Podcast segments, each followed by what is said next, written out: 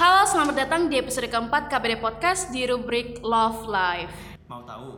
Kita bicara dulu.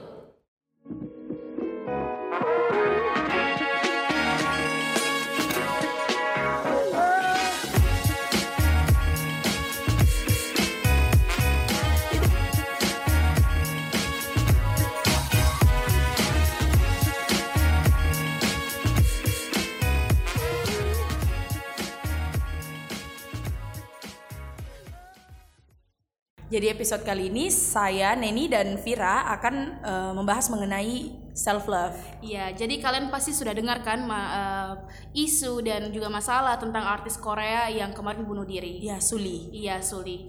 Nah, menurut kita ya itu bukan hanya masalah mengenai mental health-nya, tapi juga merupakan masalah dia dalam uh, self love dan juga orang-orang lain dalam self love-nya mereka juga sendiri. Iya.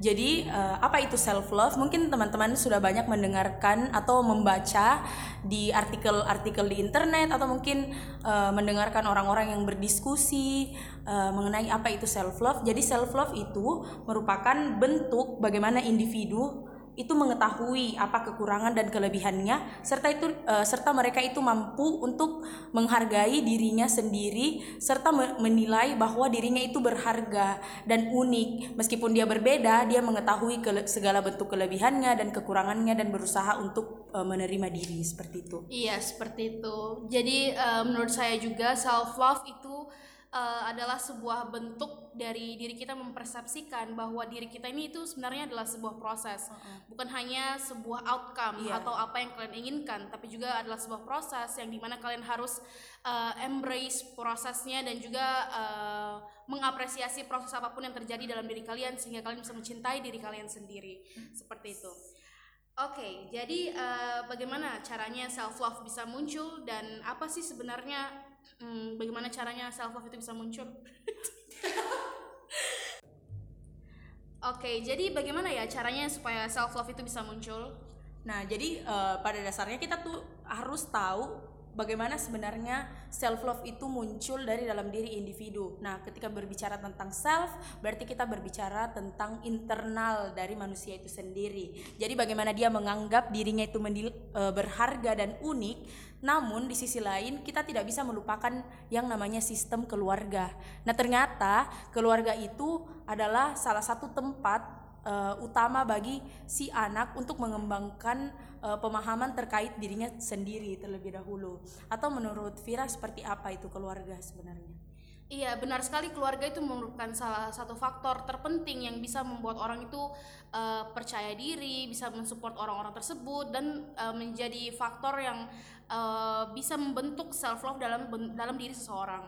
Tapi hal lain juga yang sangat penting dalam membangun dan memunculkan self love dalam diri sendiri itu adalah bagaimana interaksi kita kepada orang luar dan juga interaksi kita kepada diri sendiri. Yeah. Jadi kan poin dari interaksi itu adalah bagaimana kita itu berinteraksi untuk membentuk uh, suatu makna yang sama dan yang sama-sama kita mengerti. Nah, kalau misalnya kita in, uh, sudah ada di suatu lingkungan yang makna itu dapat dimengerti secara bersama dan makna itu di uh, accept atau diterima secara bersama, berarti interaksinya itu bakalan bagus. Interaksi kalian itu bakalan uh, tereksekusi seperti apa yang kalian mau and uh, bisa juga seperti kalian bisa jadi diri kalian sendiri karena kalian berinteraksi bukan atas uh, keinginan orang lain atau interaksinya itu bukan dalam boundaries boundaries atau uh, seperti itu. Nah, benar sekali. Jadi asalnya self love itu bukan hanya dari internal individu tapi juga bagaimana lingkungan keluarga pola interaksi yang dibentuk oleh si individu ini. Nah, tapi realitasnya sekarang itu telah, e, banyak sekali fenomena yang justru membuat orang tidak memahami seperti apa sebenarnya itu self love. Yeah. Banyak orang yang menyalahartikan bentuk self love itu seperti apa atau bahkan e, fenomena di mana e, seseorang itu sulit untuk menghargai dirinya sendiri, yeah. sulit memaafkan segala masa lalunya. Nah, e, mungkin kita bisa membahas hal tersebut di episode kali ini. Iya. Jadi uh, ketika kita membicarakan juga mengenai self love atau cinta diri sendiri, itu kalau mau dilihat sekarang di lingkungan kita itu ada miskonsepsi ternyata uh, tentang self love ini. Uh, seperti orang-orang yang bilang self love adalah ketika kalian bisa me time atau self love itu sebenarnya adalah suatu egocentrik Ya. atau self love adalah suatu narsisme. Ya, nah, seperti apa itu Neni? Uh, jadi uh, ada orang yang beranggapan ketika misalnya saya sudah mencapai suatu hal, misalnya nih contoh saya sudah melakukan praktikum A dan saya berhasil, jadi saya perlu untuk me time. Dan bentuk me time-nya itu dianggap uh, sebagai self love. Nah, padahal sebenarnya uh, bentuk self love itu bagaimana prosesnya mencapai pencapaian tersebut. Jadi bagaimana kita menghargai waktu, bagaimana kita menghargai kesehatan kita, bagaimana kita mengatur mengatur pola istirahat kita itu sebenarnya sebagai bentuk dari adanya self love.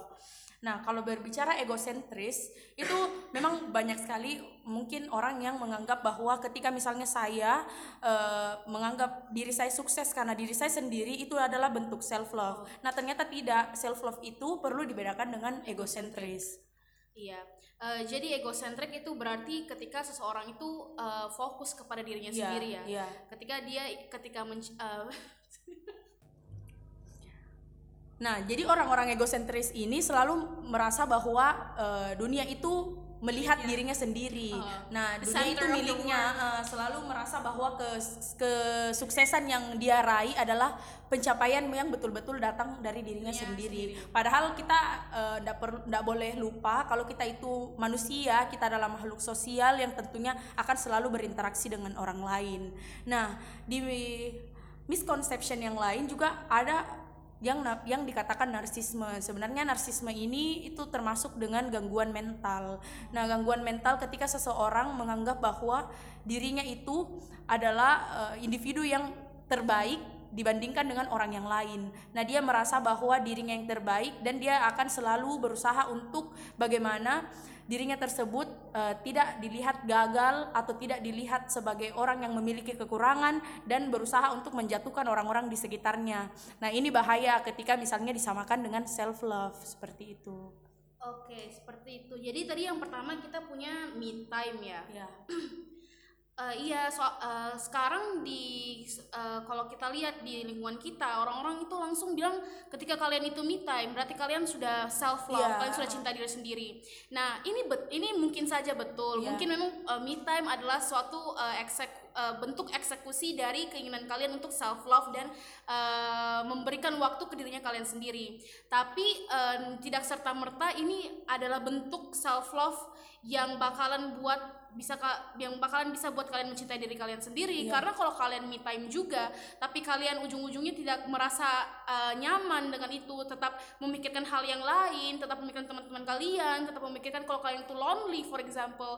Nah itu bukan self love jadi me time bisa jadi bentuk self love tapi harus juga mengerti kalau me time itu memang harus di uh, eksekusikan dengan cara yang memang from Positif. dari willnya kalian memang dari keinginannya kalian dan memang kalian bakalan nyaman ketika kalian me time karena kalau misalnya kalian tidak me, tidak lewat me time tapi lewat cara yang lain untuk eksekusikan eh, yang namanya self love ya itu tidak apa-apa tidak semua orang bisa eh, tidak semua orang itu harus me time untuk baru bisa dibilang kalau dia self love Iya, seperti itu iya. nah sekarang kalau kita melihat di snapgram snapgram orang-orang ya kayak bilang lagi me time Iya. bentuk dari self love nah itu kan doesn't necessarily mean like that itu eh, adalah suatu eh, bisa berdampak buruk ke orang-orang yang bakal berpikir oh untuk saya bisa self love saya bakalan saya harus juga me time nah itu Iya. kan tidak seperti itu Yes. iya Dan unt- khususnya ini sebenarnya untuk kalangan-kalangan yang masih muda, Iya. itu banyak menganggap bahwa me time itu adalah waktu untuk betul-betul sendiri. Ya, memang benar. Tapi orang yang me time itu seyogianya tidak meninggalkan tanggung jawabnya. Nah, kebanyakan fenomena sekarang orang me time itu prokrastinasi, menunda-nunda Oke. pekerjaan. Nah, itu menurut saya bukan bentuk self love. Bisa dikatakan me time tetapi bukan bagian dari self love yang eh, seharusnya seperti apa. Eh, berarti self love juga tidak boleh meninggalkan Tanggung jawab, ya, tanggung jawab lain yang sebenarnya ditanggungkan kepada Iya, dirinya iya. apalagi anak muda ya. Ini anak muda harus semangat eh, untuk menjalani hari-hari, apalagi mencapai tujuannya dan Tujuan tidak hidup. boleh ya tuju- tidak boleh eh, menunda-nunda seperti itu. Iya. Terus ini juga menarik ya yang miskonsepsi mengenai egocentric. Iya. Ini pasti banyak kita temui di teman-teman Iya, walaupun di lingkungan betul. kita ya. Eh, orang-orang yang merasa dirinya itu paling benar, Iya. orang-orang yang merasa dirinya itu adalah the center of the world, dan orang- orang-orang yang merasa dirinya itu adalah hal yang harus dibicarakan ya gitu. Iya, seperti itu. Ya ini ini adalah eh, miskonsepsi dari self love. Ketika kalian merasa diri kalian itu paling benar, kalian sudah merasa kalau diri kalian itu cukup.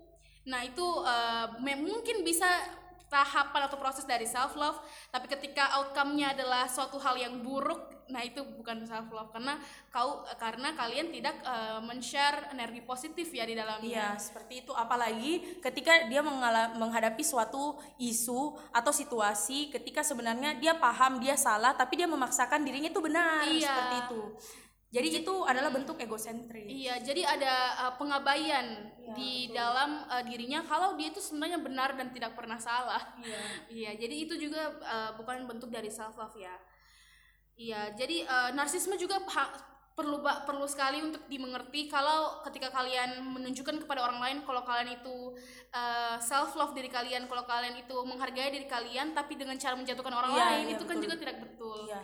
Eh, iya, jadi kalian harus eh, eh, mengerti kalau di lingkungan saat ini kalian tidak bisa berdiri sendiri, tinggal Iya, sendiri. Betul, betul. Kontribusi yang kalian eh, achievement ataupun pencapaian yang kalian dapatkan itu adalah merupakan kontribusi yang tidak linear hanya dari diri kalian sendiri, tapi juga dari orang lain dan juga bagaimana orang lain itu eh, membuat diri kalian nyaman untuk bisa mencapai achievement itu misalnya. Nah, benar sekali Vira bahwa eh, yang diharapkan dari outcome eh, yang diharapkan dari adanya self love ini sebenarnya bukan cuma bagaimana individu itu akhirnya menghargai dan mengapresiasi dirinya tapi juga outcome-nya adalah bagaimana individu ini individu ini bisa menghargai eksistensi orang lain, bisa mengapresiasi segala hal yang dilakukan oleh orang lain apalagi hal tersebut itu memang betul-betul membawa keuntungan bagi diri kita masing-masing. Iya seperti itu.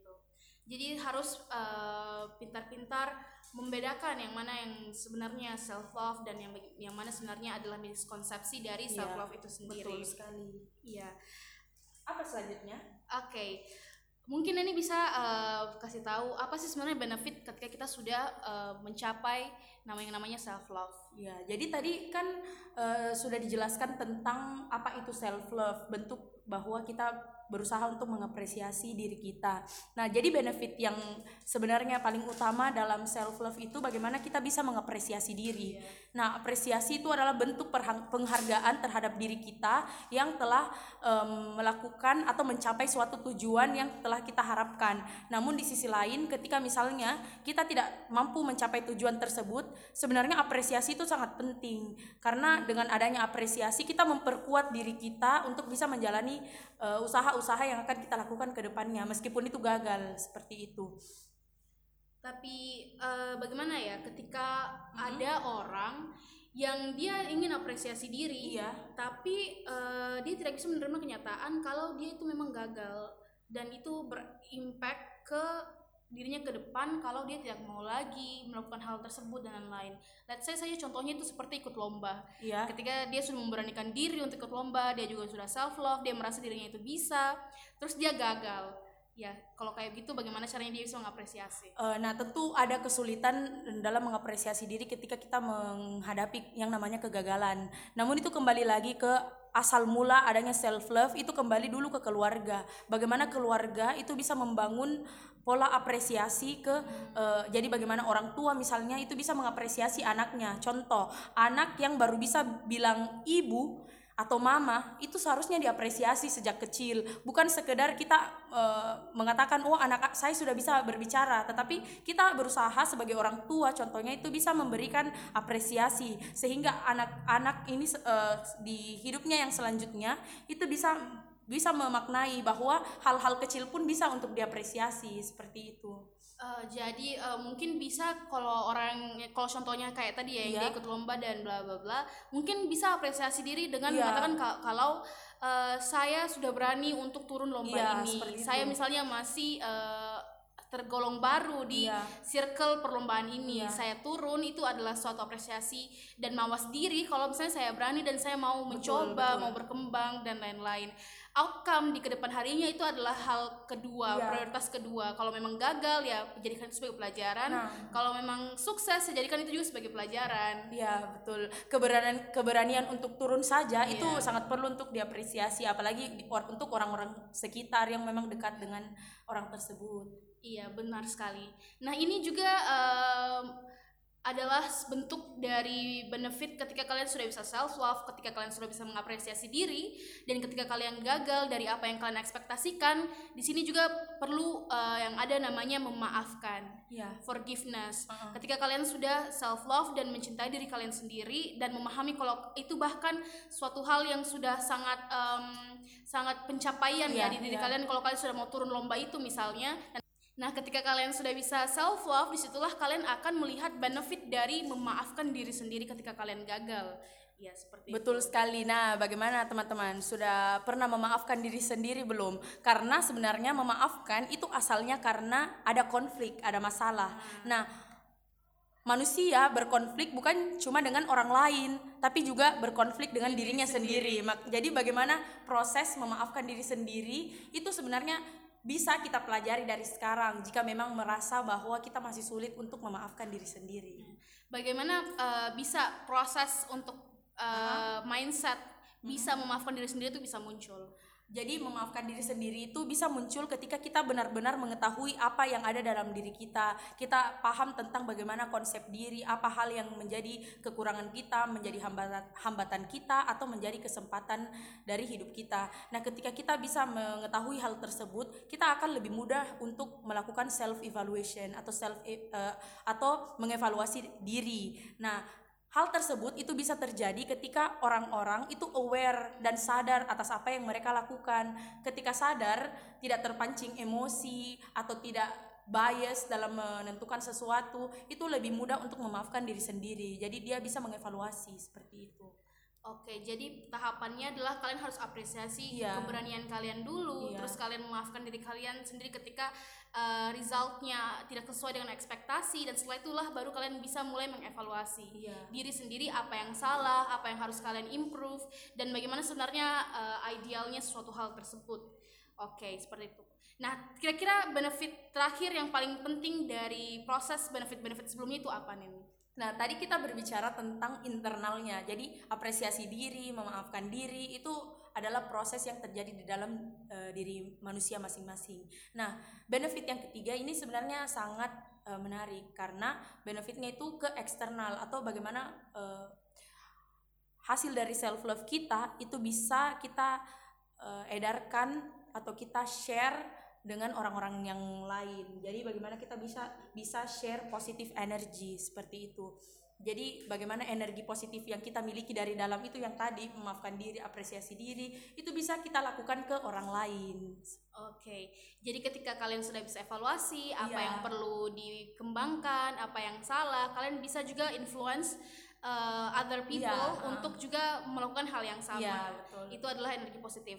Nah, tapi bagaimana kalau misalnya di sekarang kan kita tahu yang namanya toxic positivity. Oh, seperti apa itu? Seperti orang lain itu um, mengesampingkan proses yang sebenarnya perlu untuk dikonsiderasikan dan langsung saja uh, jump to the conclusion kalau ketika orang itu misalnya lagi down atau lagi mempunyai masalah, itu orang biasa bilang tidak apa-apa masalahnya pasti akan berlalu oh, yang iya, seperti iya, yang iya. toxic positivity iya, iya, iya. selalu uh, uh, selalu sampaikan apa apa hal positifnya walau uh, tanpa melihat sebenarnya ini seperti apa proses atau problem yang sebenarnya Eh, nah, sebenarnya kita juga ndak sebenarnya ndak bisa menyalahkan uh, ketika hal itu terjadi karena mungkin mereka tidak memahami apa yang terjadi di dalam diri kita. Hmm. Tapi sebagai orang atau sebagai manusia sosial itu uh, sebaiknya kita memahami bagaimana uh, share positif energi yang sebenarnya. Kita itu betul-betul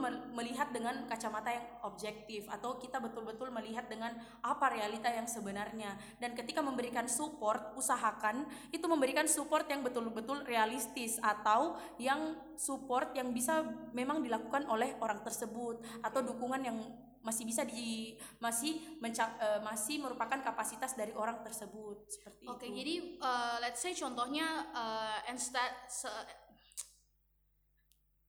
jadi contohnya dibandingkan mengatakan sesuatu seperti ketika si misalnya si A ini kalah lomba, yeah. terus uh, netizen pada bilang semangat, kamu yeah. pasti bisa, yeah. semangat, ini hanya permulaan. Better mungkin kalian share energi, energi positif dengan bilang uh, semangat harus lihat apa yang salah dan evaluasi ke depan harinya Iya. seperti itu ya kayak atau eh, semangat mungkin prosesnya eh, sudah baik tapi mungkin hasilnya itu akan lebih baik lagi ke depannya jika seperti apa seperti itu itu bentuk support yang sebenarnya Oh, jadi tetap engage ke possibility possibility Iya, yang iya. memang seharusnya terjadi Iya, seperti, seperti itu. kalau memang dia salah ya bilang saja Iya. kalau memang dia salah tapi yang eh, yang harus Nah, di- betul sekali, betul iya sekali. yang harus dilihat dari situ adalah bagaimana dia bisa memperbaiki Ah. kesalahannya bukan hanya bilang eh, kamu pasti tetap bisa oke kebanyakan orang itu selalu melihat apa yang eh, berhasil dari diri kita. Tapi ketika memang kita salah kita sulit kita sulit untuk mendapatkan remind dari orang-orang itu.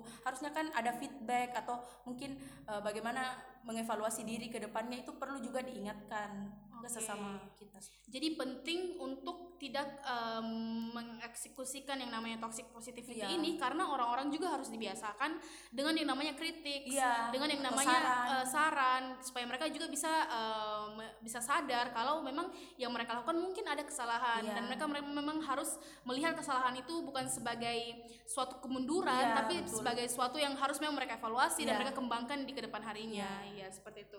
Eh, jadi ya seperti itu guys ketika kalian sudah bisa self love dan kalian juga bisa mendapatkan benefit-benefit yang seperti kita bilang tadi.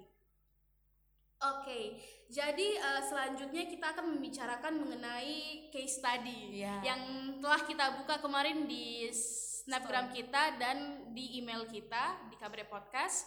Nah, ada beberapa orang yang sudah menceritakan masalahnya. Kita sangat mengapresiasi orang-orang ini yang sudah mau menceritakan masalahnya dan, Dan mau sudah terbuka. mau terbuka dengan orang lain dan sudah mau Betul. mendapatkan input dari orang lain mengenai masalah ini. Tapi untuk orang-orang juga yang belum bisa menceritakan masalahnya dan merasa doubt, masih merasa doubtful ke self love-nya tidak apa-apa. Kalian memang butuh proses dan kita uh, very very proud untuk juga support kalian dan juga menunggu cerita-cerita kalian di ke depan Ya, betul harinya. sekali. Iya, seperti itu. Jadi apa nih nih cerita yang pertama? Jadi pertama itu tentang ada orang yang selalu merasa dirinya itu eh, selalu memiliki kecenderungan untuk membandingkan dirinya dengan orang lain. Iya. Jadi apa pun yang dia lakukan itu harus berdasarkan ke eh, bagaimana pencapaian orang lain. Jadi pencapaiannya juga, juga seperti apa selalu dibandingkan seperti itu.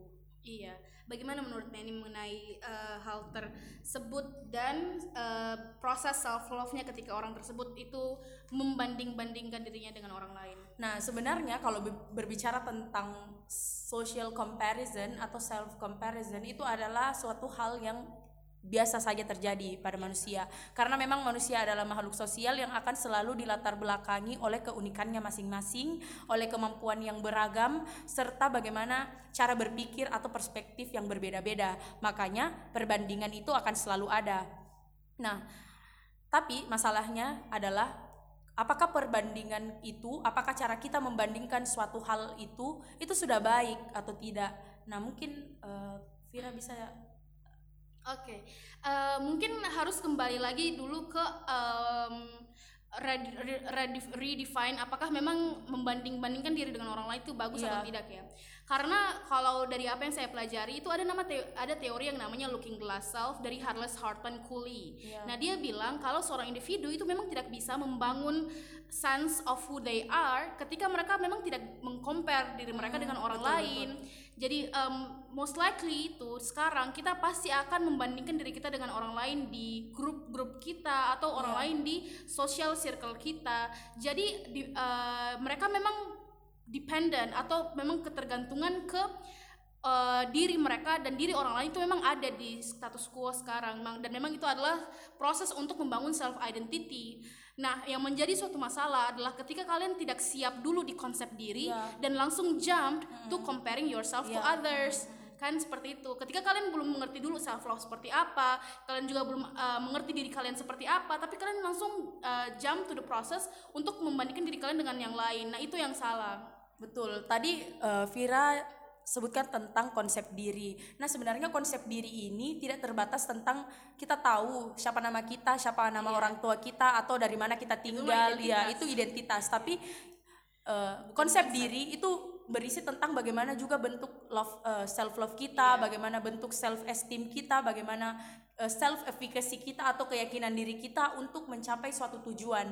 Nah, terkadang kita membandingkan suatu hal yang memang jaraknya itu sangat berbeda. Nah, ini yang toksik. Hmm. Kita kita uh, memiliki kecenderungan untuk membandingkan suatu hal yang sebenarnya bukan menjadi kapasitas kita. Oh, tidak itu. apple to apple Ya. ya. Oke, ya seperti itu. Jadi uh, mung- memang perlu untuk membandingkan diri dengan orang lain untuk mencari uh, sesuatu yang memang tepat di diri kita dan uh, cocok untuk diri kita kembangkan. Tapi perbandingannya itu juga harus yang pertama apple to apple. Iya, betul. Kalau memang sudah tidak uh, sama perbandingannya dari awal ya pasti kalian bakalan merasa insecure dan lain-lain seperti itu. Jadi ketika kalian mau uh, mengcompare diri kalian dengan orang lain ya kalian harus lihat dulu apakah orang lain yang sudah kalian mau compare adalah orang lain yang memang uh, sepadan dengan kalian. Ya kalian tidak bisa mengcompare diri kalian sama orang yang sudah kuliah lah. Ya, betul sekali. Karena kan memang sudah beda, Beda, starting point-nya sudah beda, tingkat pendidikannya sudah beda, beda. Pengalamannya juga sudah berbeda. Jadi seperti itu harus compare di eh, di saat itu apple to apple. Tapi bagaimana caranya ketika ternyata sudah apple to apple tapi memang selalu beda dan selalu kau eh, selalu akan merasa insecure dengan hal tersebut. Seperti itu seperti apa nih? Nah, jadi penting untuk mengevaluasi atau merefleksikan bagaimana sebenarnya kemampuan diri kita. Nah, kebanyakan orang itu mencoba untuk membandingkan tapi tidak berangkat dari diri sendiri terlebih Oke. dahulu. Jadi ketika ingin melihat orang lain, cek dulu refleksi dulu dalam diri oh saya seperti ini kah sebenarnya? Atau eh, ada hal lain atau ada potensi lain yang sebenarnya saya miliki tapi juga tidak dimiliki orang lain. Mungkin bisa dikembangkan di Oh. hal tersebut Oh ya, mungkin contohnya bisa seperti ini. Ketika kalian mau mengcompare diri kalian ke orang lain yang punya achievements yang banyak. Ya, betul. Nah, mungkin kalian merasa "Eh, saya tidak punya achievements yang banyak, saya mau juga achievements yang banyak. Tapi kalian harus kontekskan itu apakah achievements yang kalian ingin capai dan yang kalian ingin perbanyak itu sesuai dengan kemampuan kalian atau tidak. Kalau misalnya memang dia achievementsnya di eh, something yang saintek, ya kalau tapi kalau kalian tidak bisa di saintek ya ke sesuatu yang bisa- yang kalian bisa. Contohnya ya soshum. Jadi eh, seperti itu. selalu ada alternatif Iya, selalu ada alternatif untuk membandingkan diri kita dengan orang lain. Karena memang eh, perbandingan dan membandingkan diri kita yaitu something yang memang common ketika kita memang mau membangun identitas diri. Seperti itu. Oke, itu tentang eh, Comparison. comparison. selanjutnya Selanjutnya ini juga ada cerita mengenai eh, kesempurnaan. wah apa itu Jadi ada yang cerita kalau eh, dia adalah seseorang yang ingin sempurna dan eh, tapi sebagaimanapun dia mencoba untuk menjadi sempurna dan perfect di mata orang-orang, dia pasti akan selalu dijudge dari hal-hal yang jeleknya saja atau kesalahan-kesalahan dirinya. Bahkan sampai ketika dia itu sudah mencapai eh, batas atau limit dari dirinya sendiri. Nah, kalau sudah seperti itu bagaimana Neni? Eh, kalau menurut saya kita perlu mungkin membahas tentang bagaimana orang lain itu menjudge karena pada dasarnya kita juga tidak bisa langsung mengeneralisasikan semua bentuk respon yang diberikan orang-orang ke diri kita. Nah, ketika misalnya kita menghadapi situasi orang eh, memberikan respon yang tidak begitu baik atau tidak begitu sesuai dengan ekspektasi kita, bukan berarti orang tersebut itu tidak menyukai kita. Seperti itu, bukan berarti orang tersebut m- mencoba untuk menyudutkan apa yang kita lakukan. Jadi sebaiknya kita perlu untuk lebih peka, tapi dalam hal bukan sensitif, terlalu sensitif karena jika kita terlalu overthinking dengan seperti apa reaksi orang lain, itu sebenarnya kita lupa untuk menghargai diri kita. Seperti itu. Jadi bentuk penghargaan diri juga adalah ketika kita menerima suatu respon dengan sesuai dengan apa respon yang sebenarnya seperti itu tidak dilebih-lebihkan atau tidak terlalu overthinking Oke, itu se- itu eh, cara bagaimana bisa kalian mengerti kalau sebenarnya mungkin kritiknya itu tidak sejudgmental itu Iya. ya. Jadi harus refleksi diri lagi. Nah, kalau menurut saya untuk eh, orang-orang yang mencoba untuk sempurna di dunia yang fana ini ya, ya menurut saya harus memang membangun mindset kalau tidak ada satu hal yang sempurna. Karena kesempurnaan itu hanya milik Allah Subhanahu wa taala. Iya, jadi eh, kita tidak akan pernah bisa sempurna sekarang ini karena ya kesempurnaan memang bukan milik manusia. Jadi memang harus eh, mendefinisikan suatu hal itu sesuai eh, ke kapasitasnya. sesuai dengan kapasitasnya Iya. sesuai dengan fitrahnya sesuai dengan fitrahnya. Jadi kalau memang tidak sempurna un- eh, untuk hal-hal yang memang kalian ingin lakukan ya tidak apa-apa karena memang kalian bukan dibuat untuk menjadi sempurna. Kalian memang dibuat untuk melakukan suatu kesalahan, tapi kalian harus evaluasi dari situ. Itu makanya kalau di konsep Islam kita ada namanya kau bisa bertobat walaupun kau sudah melakukan suatu kesalahan. Katin hekemah. cut cut tuh muka lanjut tadi aku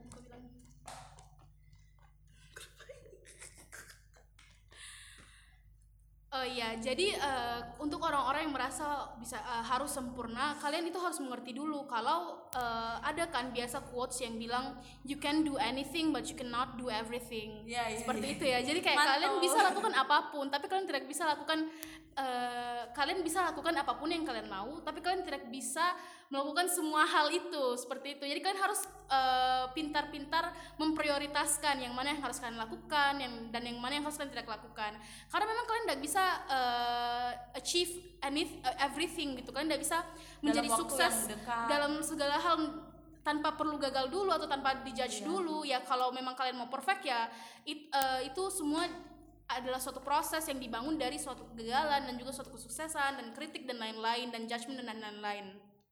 Uh, jadi anggap saja bahwa orang lain itu sebagai bagian dari pembelajaran. Jadi apa pun kritikan atau apa pun saran yang diberikan oleh orang lain itu dijadikan pelajaran untuk menjadi sosok atau pribadi yang lebih baik lagi ke depannya. Karena tanpa orang lain pun ya kita juga bakalan merasa kesepian. Iya, iya. Jadi sama halnya juga seperti ada yang bilang uh, you cannot please everyone. Iya. Kalian itu tidak bisa membahayakan semua orang. Kalian memang harus uh, choose yang lebih penting buat kalian. Ya kalau memang kalian mau dilihat uh, bagus, harus mulai dulu dari self love. Kalian harus mencintai diri sendiri agar kalian juga bisa mengekspresikan atau merefleksikan dari diri kalian kalau memang kalian bisa melakukan hal tersebut. Ya, tapi kalau memang ujung-ujungnya outcome-nya adalah tidak semua orang suka dengan hal itu ya, itu adalah suatu hal yang tidak apa-apa. Ya karena memang kalian tidak bisa please everyone. Jadi ini memang harus dijadikan suatu mindset kalau ya semua orang tidak akan tidak uh, konsepnya tidak seperti itu. Tidak semua orang bakalan bahagia atas pencapaian kalian. Tidak semua orang akan merasa oke okay, atau akan merasa bahagia dengan apa yang sudah kalian capai.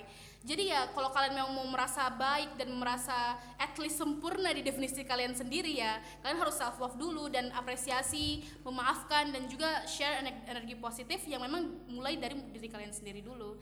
Bagaimana caranya kalian bisa buat orang lain judge kalian bagus kalau kalian tidak buat bagus dulu ya seperti itu. Oke. Okay. Next. Oke, okay, selanjutnya itu ada namanya uh, jadi bagaimana menghadapi situasi yang betul-betul uh, kita meng, uh, kita dalam keadaan yang merasa sangat inferior atau kita merasa bahwa kritikan itu sangat berat bagi diri kita. Jadi berusaha untuk lebih berpikir positif atau berusaha untuk memberikan porsi terhadap uh, urusan seperti apa yang seharusnya kita lakukan terlebih dahulu. Dan jadi kita belajar memprioritaskan segala bentuk urusan yang mungkin kita sedang hadapi seperti itu.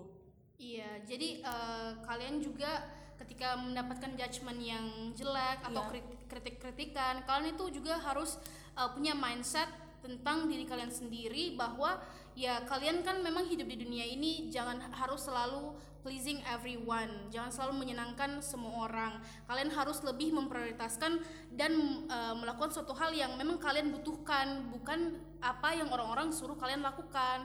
Ya seperti itu. Jadi mungkin uh, uh, mindset kenapa kalian itu bisa gagal dan tidak diterima di social circle kalian ya mungkin memang kalian uh, terlalu mengikuti apa yang orang lain uh, katakan kepada kalian dan ekspektasikan kepada diri kalian sendiri dan kalian lupa tentang diri kalian dan self konsep kalian seperti apa sih sebenarnya yang saya mau dan bagaimana sih konsep diri saya sebenarnya dan seperti apa saya harus menjalankan hidup ini ya. Nah, betul sekali. Dan uh, kita juga perlu ngeset boundaries atau ngeset uh, lim, uh, our Limitasi. limitation itu seperti apa karena pada dasarnya kan uh, tadi dijelaskan juga Vira bahwa semua orang itu punya keterbatasan dan punya kapasitas diri masing-masing. Jadi untuk ngeset boundaries itu berarti kita punya kesempatan untuk mengatakan tidak pada hal-hal tertentu yang mungkin bukan menjadi kapasitas kita. Jadi sebenarnya rejecting atau menolak suatu hal itu bukan hal yang sebenarnya buruk, tapi itu adalah bentuk self love ketika kita paham bahwa diri kita memang belum mampu Iya. atau bukan menjadi kapasitas kita dan kita menolak, itu adalah suatu hal uh, atau upaya bahwa kita se- sedang mengapresiasi diri atau kita sedang berusaha untuk memahami bahwa diri kita belum mampu. seperti itu. Iya, seperti itu ya untuk yang masalah tentang kesempurnaan. Iya. Oke, selanjutnya itu kita punya eh, cerita tentang masalah di mana seseorang tersebut itu uh, bisa menyelesaikan masalah orang lain ketika orang lain itu meminta saran dia. Tapi ketika uh, menyelesaikan masalahnya sendiri itu dia tidak bisa. Nah untuk contoh-contoh kasus yang seperti itu sepertinya uh, memang harus ada namanya refleksi ya Neni. Yeah. ada namanya refleksi. Jadi kalian harus um, melihat dulu seperti apa dan kenapa kalian bisa melakukan hal tersebut? Kenapa kalian bisa uh, mampu untuk memberikan advice ke orang lain tapi ketika masalah kalian sendiri kalian tidak bisa menyelesaikannya? Nah menurut saya uh, menurut saya ya mungkin ini karena pribadinya itu lebih mau main um, play safe ya namanya. Karena uh, iya play safe uh, bermain uh, apa ya main aman ya main aman.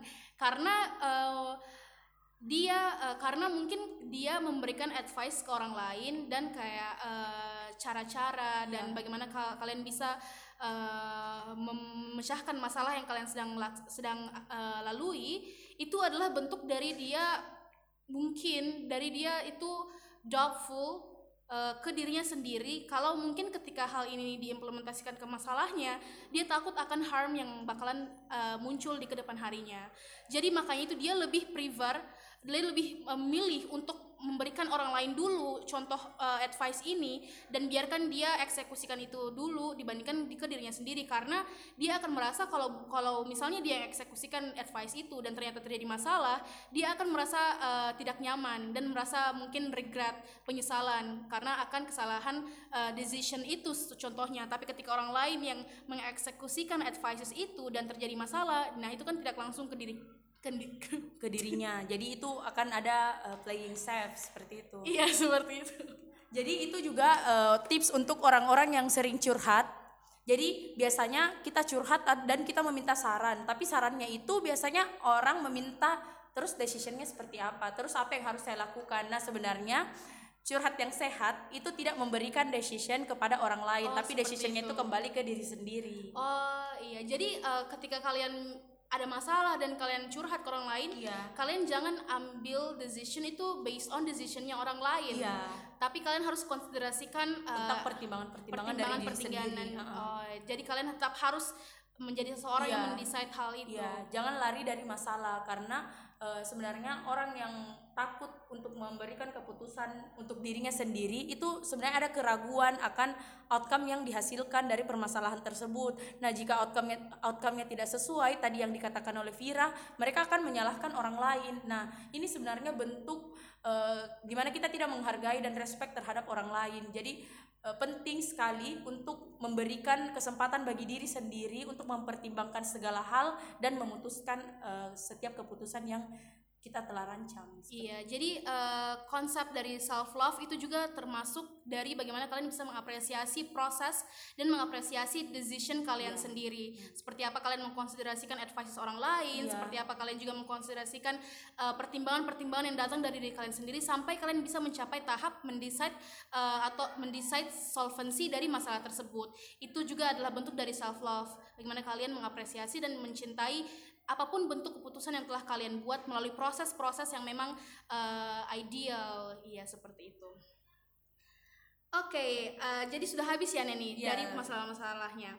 Iya jadi menurut kami uh, ketika kalian memiliki masalah uh, mungkin kalian jangan lang mungkin jangan langsung mengafiliasikan masalah tersebut dengan mental statusnya kalian dengan kesehatan mentalnya kalian tapi juga uh, kalian harus merefleksikan ke diri sendiri apakah ini mengenai mental health saya atau memang saya belum bisa mendapatkan uh, konsep diri yang memang iya, suitable ya, dan cocok kepada diri saya sendiri. Nah ketika kalian mau compare diri kalian dengan orang lain itu tidak sesimpel comparison memang perlu dan tidak sesimpel apakah itu apple to apple. Tapi kalian juga harus mengerti kalau kalian harus punya proses of redefining apa yang kalian mau uh, katakan sebagai kesuksesan dan apa yang mau kalian kata, katakan sebagai suatu pencapaian diri. Mungkin memang achievements di dia adalah achievements yang memang dia define sebagai achievementsnya tapi mungkin di, di kalian juga di diri kalian sendiri mungkin achievementsnya bisa saja berbeda. Jadi uh, proses untuk kalian embrace uh, mistakes dan juga embrace the success itu adalah juga proses mencintai diri sendiri dan adalah proses yang bisa membentuk konsep diri yang uh, ideal dan konsep diri yang uh, cukup untuk supaya kalian bisa mencintai diri sendiri. Ya betul sekali. Jadi ini juga bisa uh, sekaligus membahas tentang isu yang terjadi baru-baru yang yeah. Iya. uh, tentang bunuh diri. Jadi sebenarnya orang yang suicide itu tidak bisa juga langsung disalahkan karena dirinya yang bermasalah. Tapi juga sebenarnya yang per perlu berefleksi adalah masing-masing individu yang pernah e, berinteraksi dengan dia? Apakah betul-betul memberikan dukungan moral yang baik? Apakah betul-betul memberikan kasih sayang yang seharusnya dia dapatkan? Seperti itu. Jadi self love ini tidak bisa juga ditingkatkan oleh individu ketika tidak ada dukungan Support dari system, orang lain. Iya, ya. seperti itu. Uh, iya soalnya sekarang di lingkungan kita kalau mau dilihat orang-orang itu ketika melihat orang yang punya mental illness yeah. pasti langsung bilang kalian harus pergi ke psikologis, yeah. kalian harus pergi ke psikiater, kalian harus di treatment. Nah tapi ini tidak sesimpel itu. Mungkin orang-orang itu mempunyai boundaries atau uh, hinder halangan-halangan sendiri kenapa mereka bisa tidak mau pergi ke sana yaitu bukan hanya sesimpel juga mereka tidak punya self love atau orang-orang yang komen jahat ke dia tidak punya self love tapi mungkin memang lingkungannya yang tidak support dulu dia untuk bisa approach si psikologis ini dan lain-lain seperti itu yeah.